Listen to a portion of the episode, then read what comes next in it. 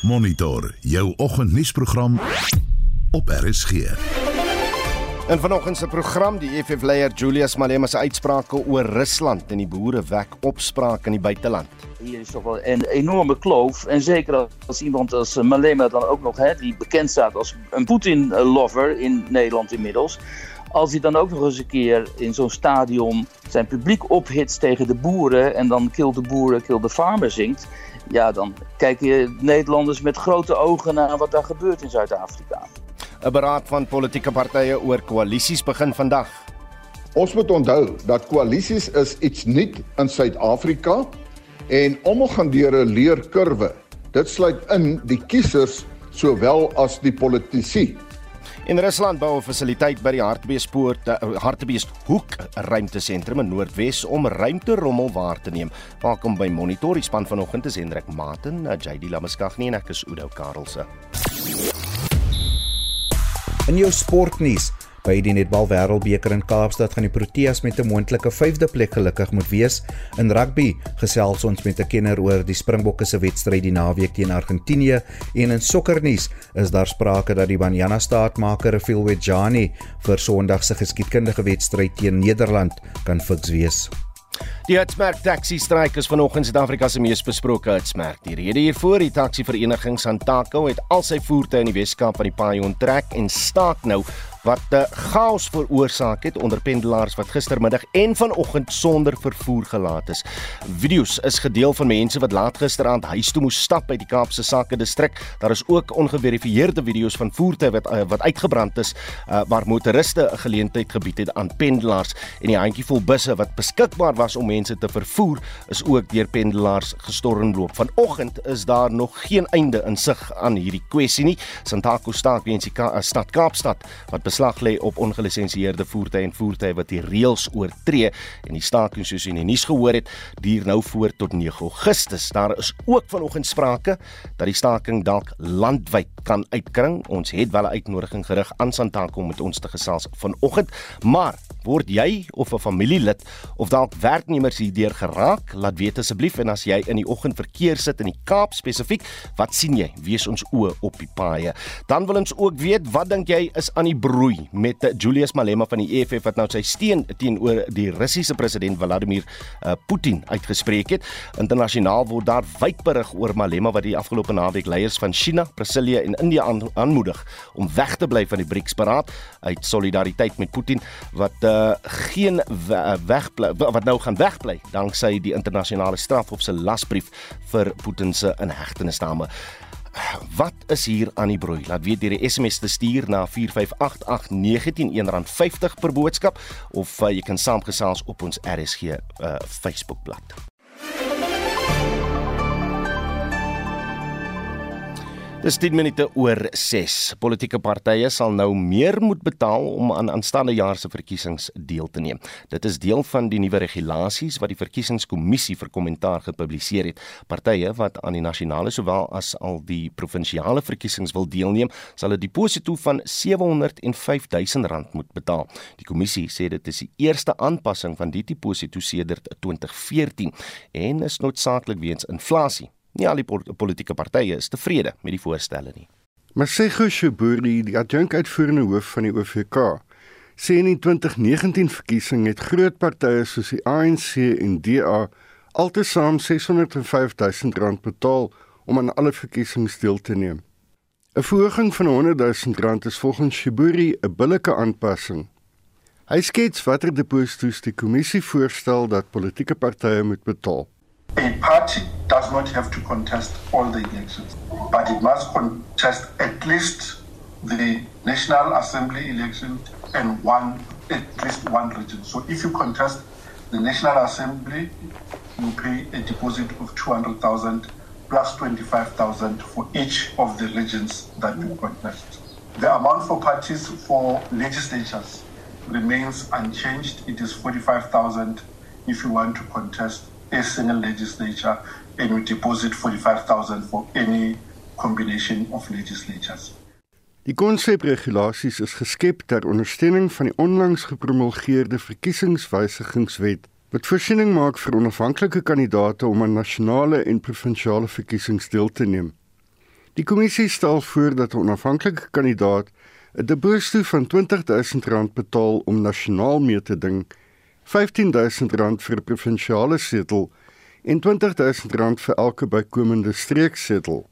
Shiburi sê dat die vereiste vir onafhanklike kandidaate om 'n deposito te betaal om vir die algemene verkiesing van 2024 te registreer, is om die integriteit van die stembrief te verseker en nie om deelname te beperk nie. Is to still maintain a ballot paper as a tool that enables a voter to make an informed choice. And we think that if you allow everyone to stand without any requirements, we're going to have ballot papers that are overly long and voters can't interpret them or make sense of those ballot papers. And voters may either be swayed not to vote or feeling pressure to make a mark and end up making a mark for a wrong person.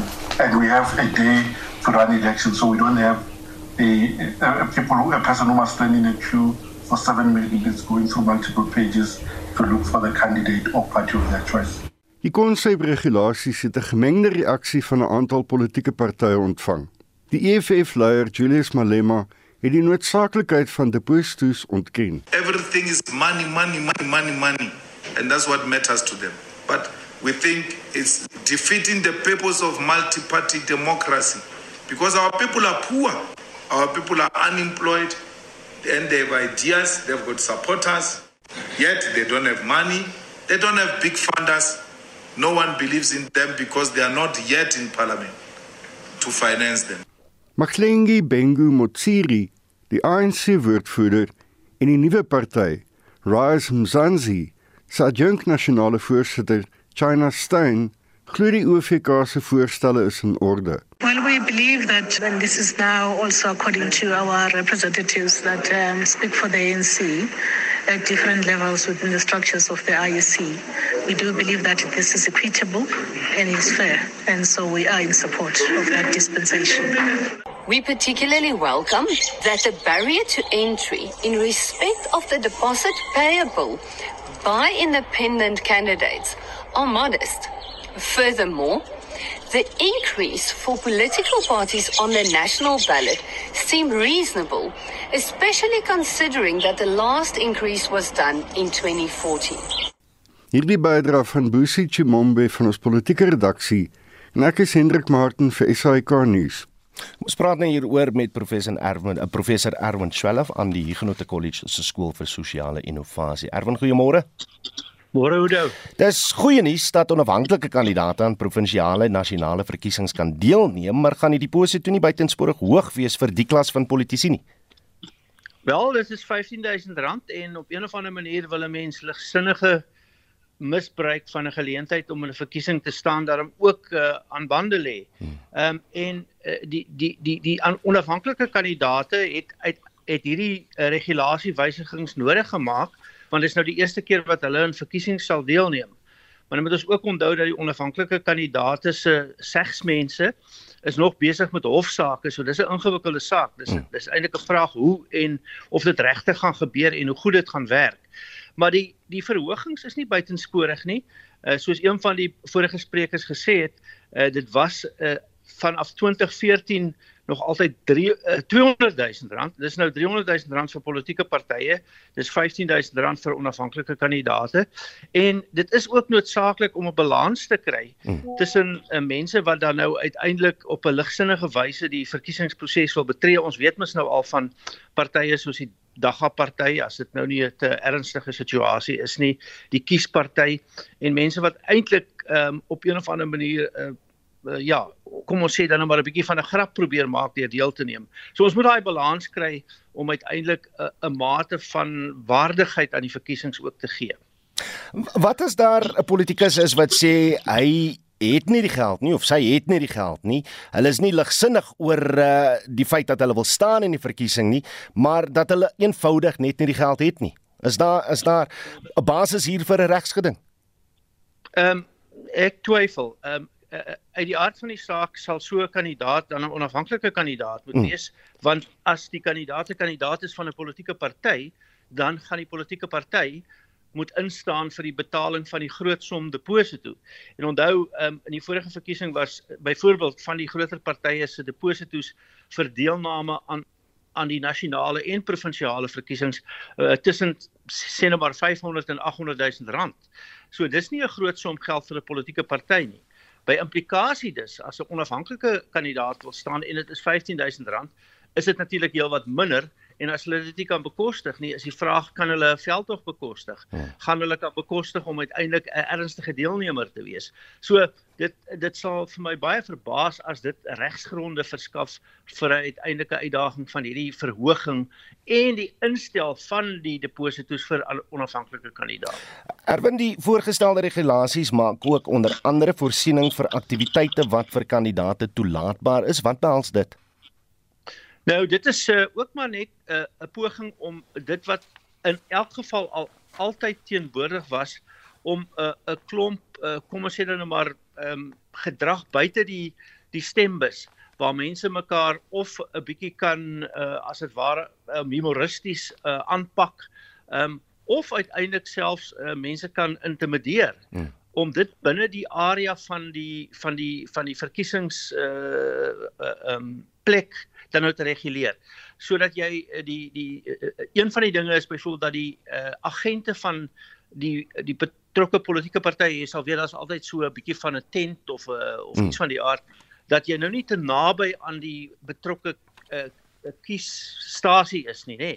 Ehm uh, so dis eintlik relatief tegnies dis ook nodig dat jy nou nie 'n klomp uh, grapmakery of intimidasie of te veel inmenging het in die kiesers se geleentheid om op 'n rustige en oorwoë manier, manier hulle stem uit te bring. En dit was professor Erwin Schwella verbonde aan die Genote College se skool vir sosiale innovasie. Die DA sê as daar 'n verband is tussen opreiende politieke uitsprake en plaasmoorde, dan moet dit ondersoek word. Die DA se skademinister van landbou, grondhervorming en landelike ontwikkeling, Noko Masipa, sê in 'n verklaring plaasmoorde neem nou ontstellende afmetings aan. The Democratic Alliance expresses our deepest concern and sorrow over the escalating farm matters which have reached an alarming levels in our country. The recent brutal murder of Theo Berger in Pumalanga, coupled with Julius Malema's incitement to kill the Boer, has raised serious red flags that we cannot afford to ignore. The ANC's failure to address Malema's inflammatory statements and the escalating farm attacks is a clear indication that we cannot rely on their leadership to protect our citizens. It is time for all political parties to put aside their differences and come together to safeguard the lives and dignity of all South Africans. Masipa sê 'n kommissie van ondersoek moet getaak word om die verband tussen aanhitsende politieke uitsprake soos die deur die EFF-leier Julius Malema die naweek en plaasaanvalle te ondersoek. We urgently call for the establishment of a commission of inquiry to investigate the potential link between EFF's incitement and the surge in brutal farm matters and attacks. This inquiry must leave no stone unturned, and its finding should inform comprehensive measures to ensure the safety of our farmers and farm workers. We must not allow history to repeat itself, and we must take action to prevent any further escalation of violence. Malema het vroeër die week so op kritiek gereageer. Why didn't the DA join the case when I was taken to equality court? Why didn't the Freedom Front join the case if they are genuine? So I'm not going to over explain myself. I will sing this song as in when I feel like. It's not my song, it's a struggle song. Professor Piet Kroukamp, 'n politieke ontleder by die Noordwes Sakeskool, het dit benadruk dat dit moeilik sal wees om 'n regstreekse verband tussen Malema se uitsprake en plaasmoorde te bewys. Dis belangrik dat politieke partye se DA hulle stem dik maak oor plaasmoorde. Maar dit is meer belangrik dat die mense dit reg verstaan. Dit is waarskynlik nie moontlik om plaasmoorde of die verskynsel van plaasmoorde aan te spreek sonder om misdaad in Suid-Afrika in die algemeen aan te spreek nie. Dit is te vervleg en te vervloei. Die uitsprake wat politieke leiers maak soos Julius Malema en selfs van tyd tot tyd die ANC wanneer hulle so half indifferent is kan op sekere een of ander manier 'n konteks skep vir die moorde wat op plase gebeur. Maar om 'n oorsaaklike verhouding te kry gaan seker baie baie moeilik wees. Maar dit bly belangrik dat daar uitsprake kom wat boere die gemoedsrus gee dat hulle nie alleen in hierdie ding is nie. Dit was professor Piet Kroukamp van die Noordwes Sakeskool. Ek is Hendrik Martin vir SAK nuus. Julius Malema se uitsprake die afgelope naweek oor die belangrikheid van nouer bande met president Vladimir Putin van Rusland het sterk kritiek in Europa en die VSA uitgelok. Die Duitse Ponykoerant Bild wat in Hamburg gepubliseer word, het 'n oplaag van meer as 3 miljoen en het verwonderd geskryf oor Malema se uitlatings teen die boere asook sy wens vir samewerking met Moskou. Bild Bild uh, was ook nie die enigste blad wat selfs redaksionele kommentaar hieroor gepubliseer het nie. Die New York Times het die storie donderdag verder gevoer en die Telegraaf in Nederland het ook verbuistering uitgespreek soos wat die joernalis weer doek van uit Amsterdam aan Anita Visser vertel. Dat is in Nederland uh, onbegrijpelijk. De consensus in Nederland is dat wij verder moeten blijven van uh, Poetin en dat Poetin onze tegenstander is, niet alleen politiek, maar misschien zelfs ook militair in Oekraïne. Dus als we dan min of meer bevriende naties zijn waar mensen oproepen om nauwere banden met Rusland en Poetin te onderhouden, vinden de meeste Nederlandse commentatoren dat natuurlijk volstrekt onbegrijpelijk en ook onverantwoordelijk. As jy nou sê onbegryplik, verstaan hulle mooi wat die Suid-Afrikaanse posisie is weens Rusland. Ek praat nie noodwendig net van Malema nie.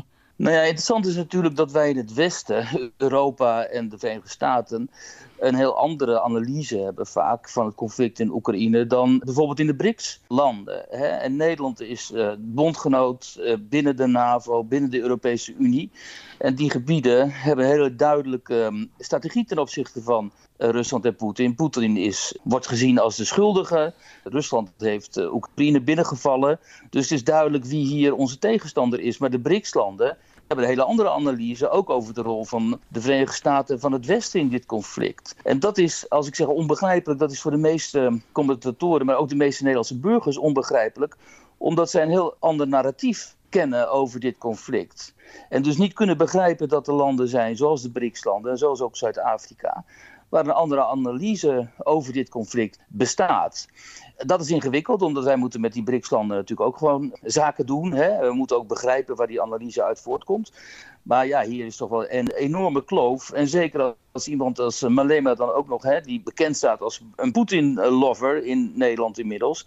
Als hij dan ook nog eens een keer in zo'n stadion zijn publiek ophitst tegen de boeren en dan kill de boeren, kill de farmer zingt.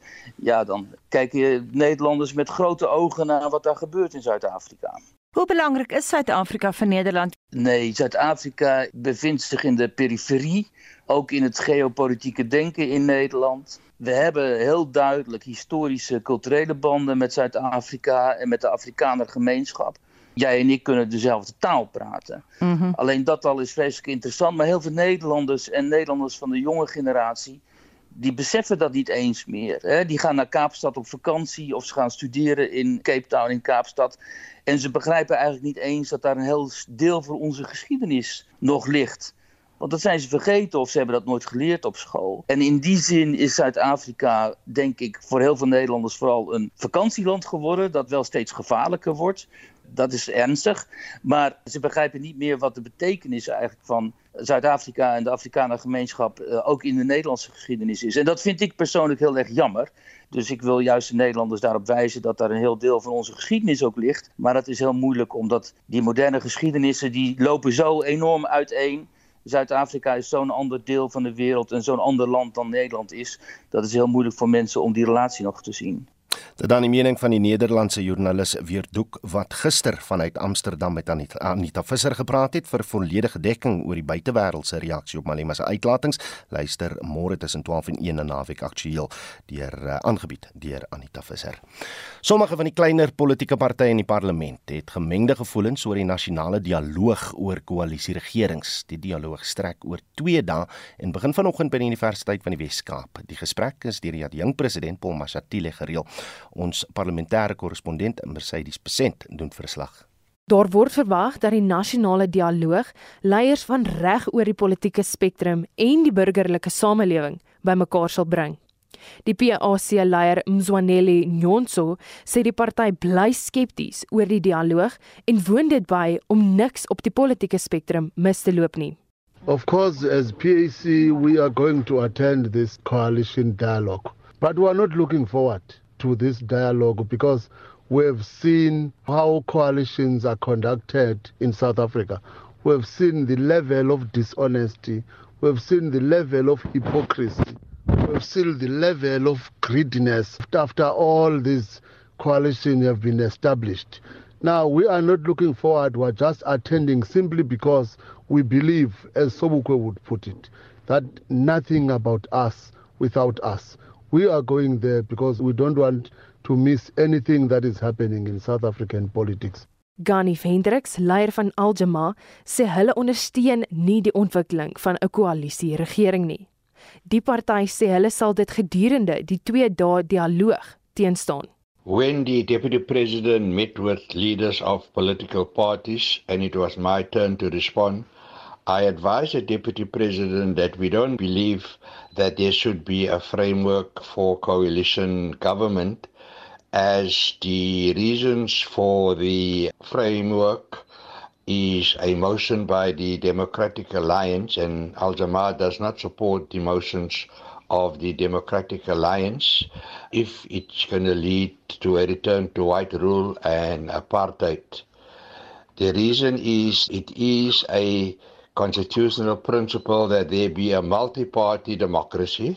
Die Vryheidsfront Plus sê hulle sien uit daarna om aan die dialoog deel te neem. Pieter Groenewald van die Vryheidsfront Plus sê dit is 'n belangrike gebeurtenis. Dit is belangrik dat ons ons voorstelle en ons siening daaroor gee. Ons moet onthou dat koalisies is iets nuut in Suid-Afrika en almal gaan deur 'n leerkurwe. Dit sluit in die kiesers sowel as die politici. Ek sal 'n voorlegging maak by hierdie dialoog om dan ook die voorstelle van die Vryheidsfront Plus op die tafel te plaas. Volgens Ahmed Sheikh Amam, leier van die Nasionale Vryheidsparty, sal koalisieregerings nie slaag tensy politiek van administrasie geskei word nie. We believe this is a step in the right direction. However, unless we separate politics from administration, practically coalition governments will not survive. It is quite clear that political parties are entering into coalition governments not based on serving the interest of the people, but more importantly, as to how they will benefit. And as such, they are sharing strategic positions with budgets which will benefit political parties. So, as the NFP, we are saying, unless you close that gap and ensure that all appointments and procurement are done independently of all politicians, the chances of success in coalition governments is minimum. Die woordvoerder van Cope, Dennis Bloem, beskryf die dialoog as 'n stap in die regte rigting. The Congress of the People fully support the initiative by government to call political parties, civil society and interested parties under one roof. This national dialogue on coalition governments is a step in the right direction and we welcome it. It is very important that we as political parties and civil society must find ways to save our young democracy. The country needs stability in all spheres of government. We expect that all political parties that will participate will put the interest of the country above the interest of their political parties.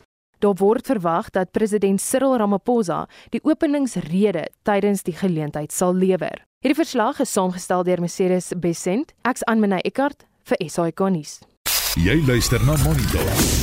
Elke weekoggend tussen 6 en 7.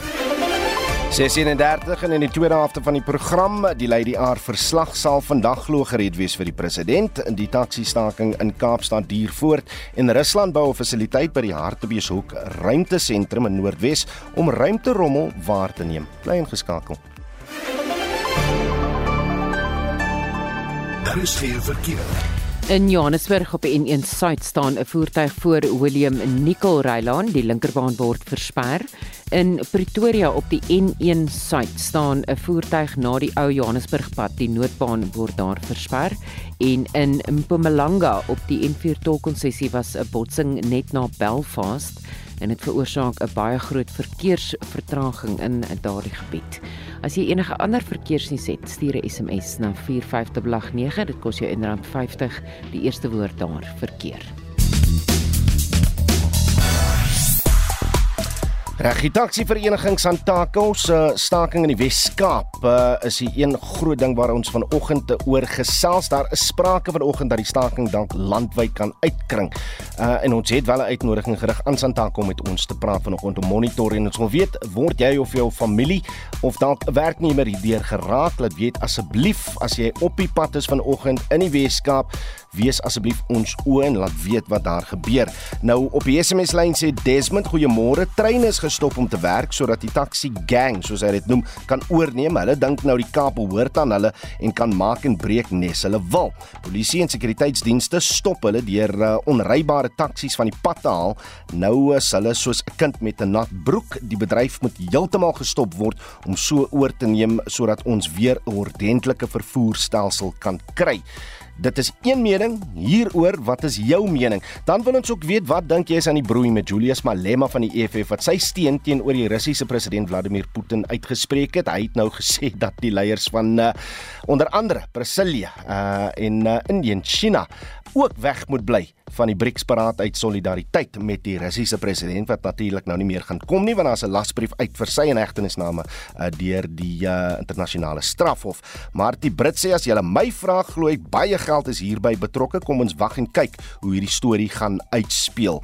Ehm um, Madeleine Pretoria sê hy soek geld en Putin se steun om te moor in Suid-Afrika wapens, korrupsie, moord en geld. EFF is 'n uh, dienslese, dieselfde as uh, Putin, sê Madeleine Pretorius. Maar wat sê jy? 45889 stuur vir ons 'n SMS daai nommer, dit kos jou R1.50 per boodskap of jy kan ook lekker saamgesels op RSC se Facebookblad.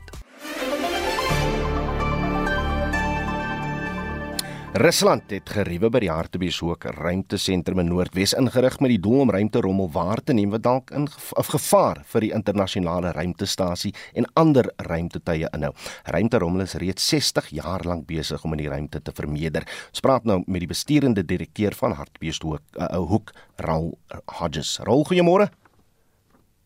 Goeiemôre, hoe gaan dit? Nee, dit gaan goed, maar uh, hoeveel ruimte rommel tuimel aanhoudelik hier om die aardbol en is daar reeds voorvalle waar ruimte rommel skade verrig het?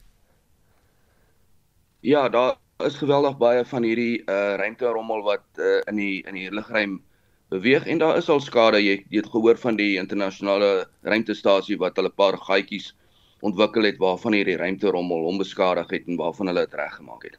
En en hoekom is Hartbeespoort 'n geskikte plek vir die waarnemingsstasie? Hartbeespoort is op 'n unieke plek geleë in die, op die suidpunt van Suid-Afrika. Ehm um, en daar's ook nie uh daar's daar's nie baie ehm um, wat ons noem geraas nie van oorhoofse kraglyne nie dit bestaan nie. Uh daar's nie ligbesoedeling nie met met straatligte en so aan wat die wat die teleskoop dan hierdie is 'n uh, optiese teleskoop wat dan die teleskoop ehm um, gunstig om optimaal te funksioneer. Hmm. Ek het nou in my kop 'n idee van wat sou gebeur as jy wel ruimte rommel moet waarneem by die stasie, maar maar as jy dit wel sien, wat gebeur dan? So die die die program dis 'n dis 'n dis 'n 'n 'n Suid-Afrikaanse Russiese uh, wetenskapprogram wat hulle die, die Milky Way noem in Engels of die Melkweg sou wees in Afrikaans hmm.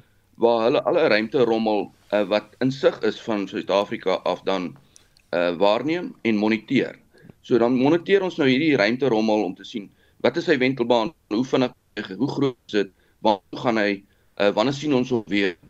En om, om sekere bepalinge te doen van waar wat gebeur as uh dit sou deurbreek en terugkom aarde toe, waar val, gaan dit see toe, gaan hy uitbrand.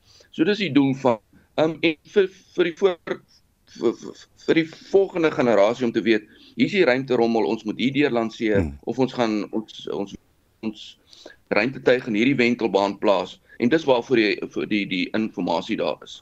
Wat is die kleinste stuk ruimterommel wat jy eintlik waar kan neem met julle tegnologie? Ehm um, 100 by 100 mm. So dit gee vir jou omtrent 'n uh, 'n uh, kubieke ehm um, wat ons sê seker desimeter. Dit liewe aarde. Uh, is daar ander ruimteprojekte onder die uh, vaandel van uh, BRICS waarna ons kan uitsien? Um, ons het nou nog 'n uh, ander nie. Ons het uh, hierdie is e ons een van ons eerstes onder die BRICS. Ehm um, ons het al baie werk gedoen ehm um, saam met ehm um, Indië. Ons het al albei hulle Chandrayaan uh missies gedoen waar ons hulle voertuie op die maan vir hulle die die landing van hulle voertuie op die maan gemoniteer het en vir hulle die data teruggestuur het.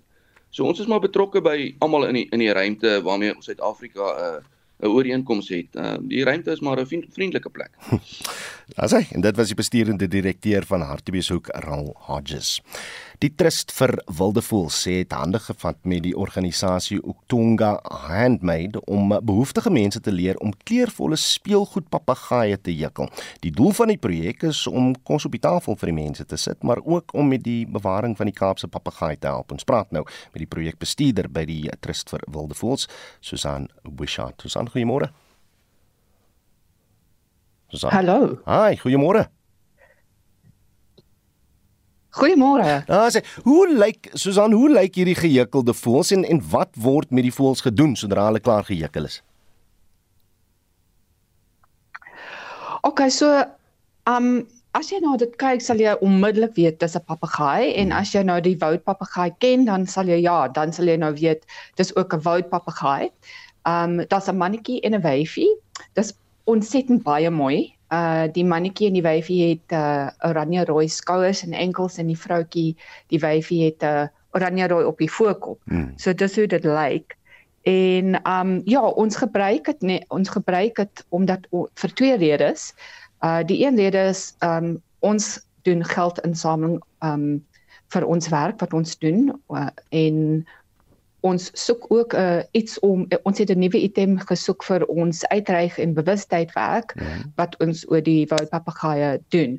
So dat ons dan 'n vennootskap met hierdie um goeie vroue van Mpumalanga kan ook um maak is 'n ja. is 'n baie ding 'n goeie ding vir ons. Sê my hoe hoeveel mense is nou hierby betrek en en hoe baat hulle hieruit? Ja, so daar's omtrent 60 vroue. Dis 'n projek uh soos jy gesê het, Okatunga Handmade wat nee uh wat naby Mshalozi die Witrivier in Mpumalanga is. En hulle baat daaruit omdat hulle eerstens um self 'n uh, 'n patroon daarvoor uitgewerk het. Ons het net gevra, okay, dames, hier is die papegaai, dis hoe dis hoe lyk uh, die papegaai en kan jy iets doen? En toe het hulle net vir ons monsters gesien, so hulle um vaardighede is ook daarby um gevorder. Um en dan um ons betaal hulle daarvoor. So dis 'n hmm. baie 'n belangrike ding vir hulle, soos jy gesê het, dan sit hulle dan kos op die tafel vir hulle um families. En en hoe kom as hierdie papegaaie in gedrang en en en hoe help die projek met die bewaring van hulle? Ja, so die probleem met die papegaai is dat um hulle is bedreig deur um benetigheid en agteruitgang van hul woudhabitat.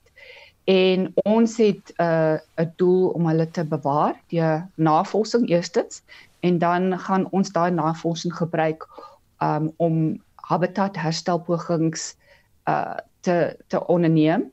Um en ons werk ook saam met die gemeenskappe naby ons hulle is 'n integrale deel van um, ons sukses want hulle groei vir ons die die sailings wat ons dan weer in die woude terugplant. En dit was die projekbestuurder by die Trust vir Wilde Voëls Susan Wishart. Spectrum het gister berig oor die stand van sake by die Estralita Spesiale Skool in Leidenburg in Mpumalanga. Die skool se deure is nou reeds 'n week lank oop nadat die Hooggeregshof 'n interdik toegestaan het dat nagskoolwerkers verplig word om hul werk by die koshuis voort te sit.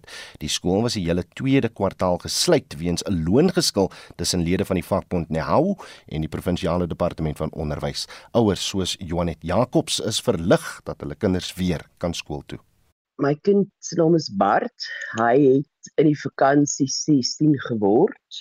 My kind het ADHD, ADD, OCD, ODD en hy is leergestrem.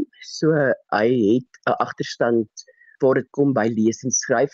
Maar weens die tyd dat hy so lank tyd daar by die huis was, het hy daarin ook verswak. Ons as ouers weet ook nie die regte riglyne hoe om hulle te leer in daai rigting nie. Sy ken minstens 2 ouers wat hulle werk moes los om na die omvattende behoeftes van hulle kinders om te sien. Jacobs is een van die wat tog haar werk kon behou. Jong, dit was bitter bitter moeilik. Hulle floreer op rotine. Hy hoef nie meer half 6 of kwart vir 6 op te staan nie, want die dag is klaar so lank omdat hy niks het om hom besig te hou nie.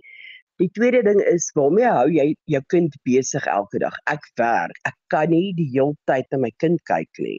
Tensy jy hulp ingekry het wat jou ekstra geld kos en ons almal het nie daai finansies nie. Of hy TV gekyk of hy PlayStation gespeel en dit is nie vir my goed nie, maar ten minste het ek geweet my kind is veilig. Hy kan nêrens heen gaan waar hy kan seer kry of moeilikheid kry of iets nie. So hy was glad nie aktief nie. Hy het tog baie gewig aangesit. So die impak van jou tyd, finansies, alles was 'n groot ding in hierdie tyd.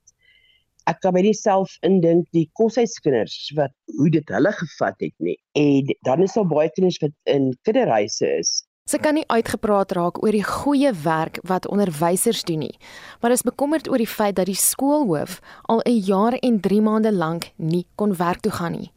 Die hoof is na bewering met haar lewe gedreig toe ontevrede werknemers by die skool betoog het. Haar passie is die kinders. Ons kinders mis haar. Hulle love hulle juffrou Hanna. Hulle mis haar regtig. So ek dink dit het 'n groot ding ook in hulle lewens want hulle het nie meer hulle juffrou Hanna waar hulle kan gaan met 'n probleem of hulle sien haar net op die stoep. So ek voel die onderwysdepartement is die skuldiges hier agter. Nie net oor die hoof nie, maar ook oor die koshuisstannies wat nou so lank af was. Want as die onderwysdepartement hulle kant gebring het, het daar 'n probleem was wat binne 'n dag of twee moet uitgesorteer geword het sou al hierdie goed glad nie plaasgevind het nie.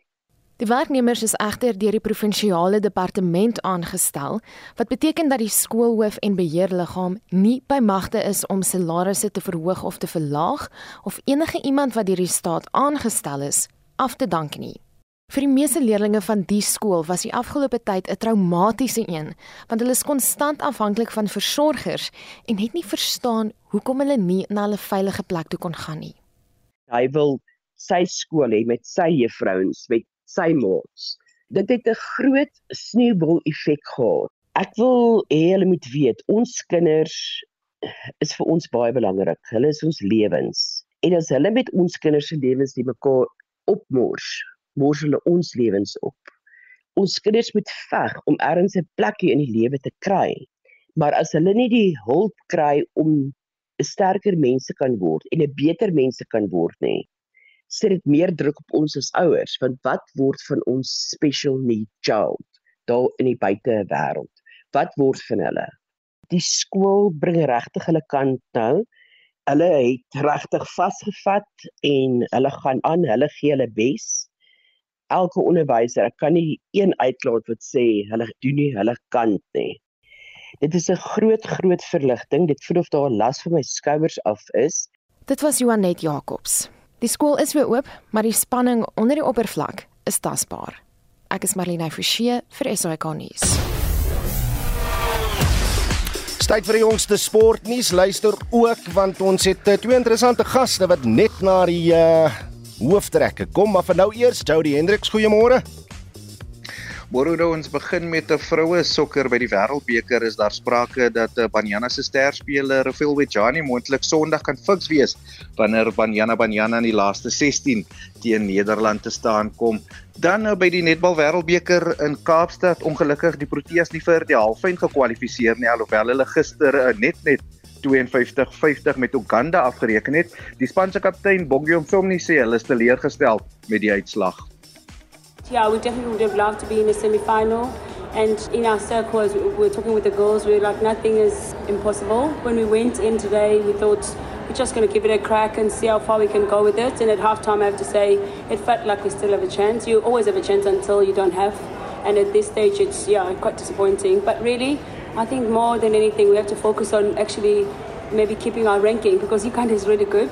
If we have to come up against them again, they're going to come hard. And I think today they showed us that they can step up and actually want to grab a win. So we need to focus on actually maintaining that now. En uh, en dan die kaptein van die Proteas, Bongiom Somni, ook net vir die luisteraars herinner dat hulle dan vanaand om 6uur teen Tonga te staan kom hou. Ah, sy is 'n bietjie golf nie so ook.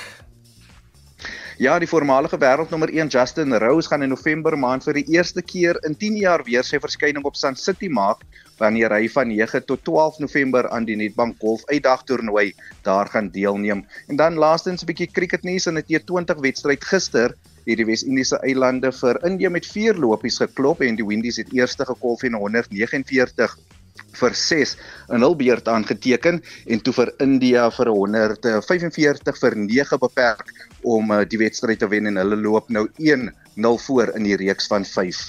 Reg, ons uh, beplan ook vanoggend om 'n uh, bietjie krieket te gesels met uh, een van Suid-Afrika se vooruitstaande skeieregters. Dis nou Lauren Aghenbach, 'n jong dame wat uh, so 'n paar jaar terug geskiedenis gemaak het, Jody, as uh, die heel eerste vroue skeieregter uh, wat in 'n eerste klas wedstryd gestaan het en uh, die rede daarvoor seker van uh, hierdie week was 'n goue week vir Suid-Afrikaanse vroue sport as jy nou kyk na wat Banyana Banyana gedoen het. Uh, hulle is nou uh, in die uitklop fase van uh, die vroue sokker wêreldbeker en dan kan jy ook terugkyk na die uh, netbalspan, die Proteas se dapper terugveg teen die verdedigende wêreldkampioene Nieu-Seeland.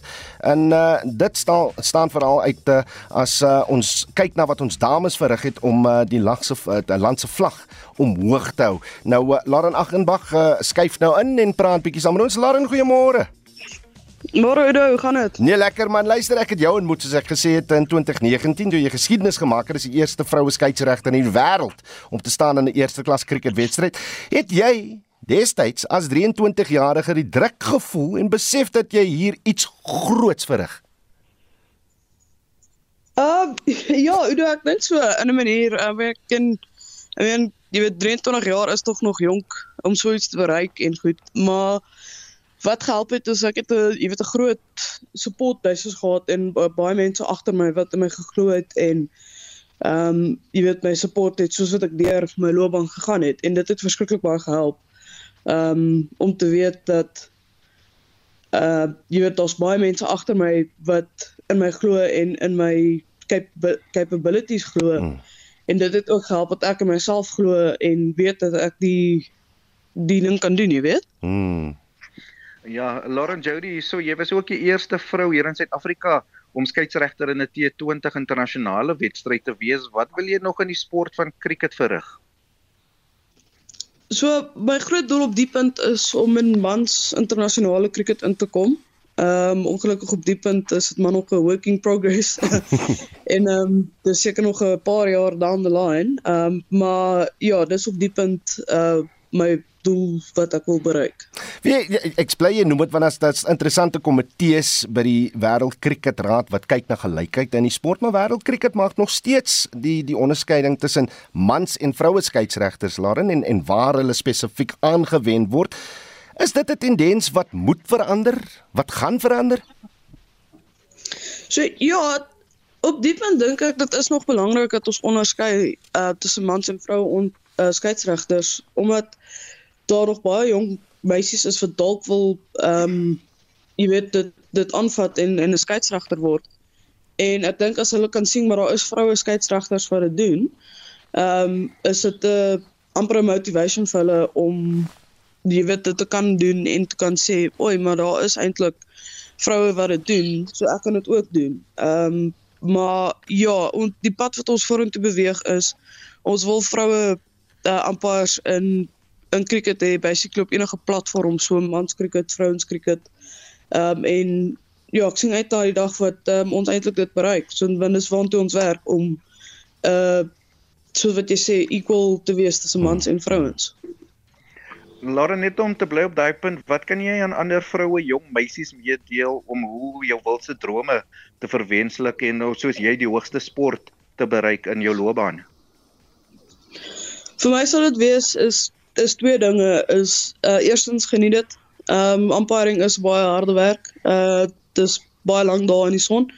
So dis nie altyd vir vir almal wat ek altyd sê nie. Nie almal jy weet is altyd bereid om dit te doen nie, maar um vir my is die groot ding is jy moet dit geniet want as jy dit nie geniet nie, dan gaan dit baie lank dag wees uh, jy weet in die son en hmm. jy gaan seker nie baie gelukkig wees en goed nie, maar die ander ding is werk net hard. Ehm um, Ek weet daar is daar is baie geleenthede vir vir, vir vrouens en meisies wat dit wil doen. So as jy die harde werk insit, uh jy weet is daar 'n groot moontlikheid dat jy dat jy dit kan maak. Ehm um, en mense sien jy harde werk raak, jy weet. Nou sê, laat net vir jy uh, groete. Wat lê voor vir jou vir die res van die jaar? Ehm um, op die punt uh nie veel nie wat ek al van weet nie. Ehm um, ek het 'n toernooi wat in Botswana opkom en dan seker maar die die CSA uh uh seisoen wat opkom. Verder is dit uh, het ek nou nog niks eintlik gehoor. Ah, sy opkom nie. Ah, sy internasionale uh, cricketskeieregter Lauren Aghenbach en dan Jody, uh, gaan ons afsluit met 'n uh, bietjie rugby want die uh, Bokke het ook 'n groot wedstryd wat voor lê môre. Ja, vir die 36ste keer wat hulle teen Argentinië gaan 'n uh, kragte meet. Nou die wedstryd word ook beskou as die laaste geleentheid vir verskeie spelers om 'n plek in die Wêreldbeker 33-tal wat Dinsdag bekend gemaak word. Oudou um, um hulle plek daar te, bevestig. Maar om meer hieroor te praat, sluit die voormalige nasionale vroue Springbok speler Marlies van der Merwe by ons aan. Marlies, goeiemôre, is jy daar? Hi, goeiemôre Jody, jy's ek hier. Ja, kom ons gesels gou verlede week se sege van 22-21 sal dit nog enigsins môre faktor wees gegee ook die Grant Williams insident wat verlede week gebeur het tussen die twee spanne. Maar Jody, um, ek glo nie so nie. Ek ek moet sê, ehm um, ek dink die insident het ook baie ehm um, um, uit te waai met die met met met hoe die wedstryd verder verloop het. Ek dink om so so vroeg in die wedstryd so uh, ietsie oor te kom ehm um, ja, ek gooi dit heeltemal die ritme um, nogal uit, maar ehm um, ek ek uh, ons ons was verbaas oor die uitslag ons het ons het um, ons het regtig um, gedink dit gaan so 'n bietjie van 'n groter uh, pak slaaf wees. Ja kyk uh, ons het onsself nie juis gehelp verlede week op Ellis Park nie uh, maar Marlies uh, die Pumas hulle het hulle het gewys hulle kan nie onderskat word nie. Hoe, hoe moet die bokke hierdie die, hierdie naweek se wedstryd benader? Sjoe, absoluut nee. Um, hulle het baie hard hard hard vir ons gekom. Um, ek dink ja, ek dink as as as ons um, ehm um, 'n wedstryd sal aanpak soos wat ons teen Australië aangepak het, dan ek, ek dink dis 'n baie uh, dit was 'n baie ons het baie meer ritme gehad en baie ehm um, lekkerder saam gespeel. Ehm um, uh, om reaksie op die bal ehm um, ja, as ons as ons die, as wedstryd kan aanpak soos wat ons teen Australië aangepak het. En dan uh, Bongie Mbambi word Saterdag dan Springbok kaptein nommer 64. Wat maak jy van die keuse om hom die kapskyn kapteinskap vir die wedstryd te gee? Ek het baie vertroue in die in die afrigtingspan. So ek ek glo um, uit daai oogpunt is dit is sal dit 'n baie goeie keuse was, maar nietemin ek dink dit is, vir ons 'n interessante ehm um, keuse. Ehm um, omdat ehm um, ek, ek meen by die Unie is, is is Steven Kitshoff die die kaptein en dan ook ehm um, Lucanio Amos ook een van die uh, senior spelers wat ook ons het eintlik baie sterk leierskap in die groep. So dit dit dit is 'n is 'n baie interessante ehm um, uh, keuse, maar ek dink is nogal baie baie ehm um, dis dis 'n baie ehm um, 'n goeie keuse. Ewen Etsebet het nou ook 'n geleentheid gehad, uh, Dwayne Vermeulen ook almal in die afwesigheid van van van ons oud kaptein Sia. Maar lees ek vra nou al wat 'n rugby kenner is uh, of was spelers op hulle lyse is wat dit op hierdie stadium nie gaan maak nie, maar kom ek vra om net bietjie anders. Wie, wie is die spelers wat mm -hmm. môre met 'n goeie vertoning nog 'n plek in die wêreldbeker kan losland? Jo, um, kom ons kyk die spelers wat môre nog 'n plekkie kan losslaan in die in die in die in die groepie. Ehm um, ek het nou hier so ons kyk gou wat by die ehm um, um, Kenan Moody. Mhm. Mm ek dink Kenan Moody kan dalk vir hom 'n plekkie dalk daar losslaan ehm um, in die wêreldgroep ehm um, uh o, Andre Estreisen as 'n as 'n binnesenter. Ehm um, Ja, OK.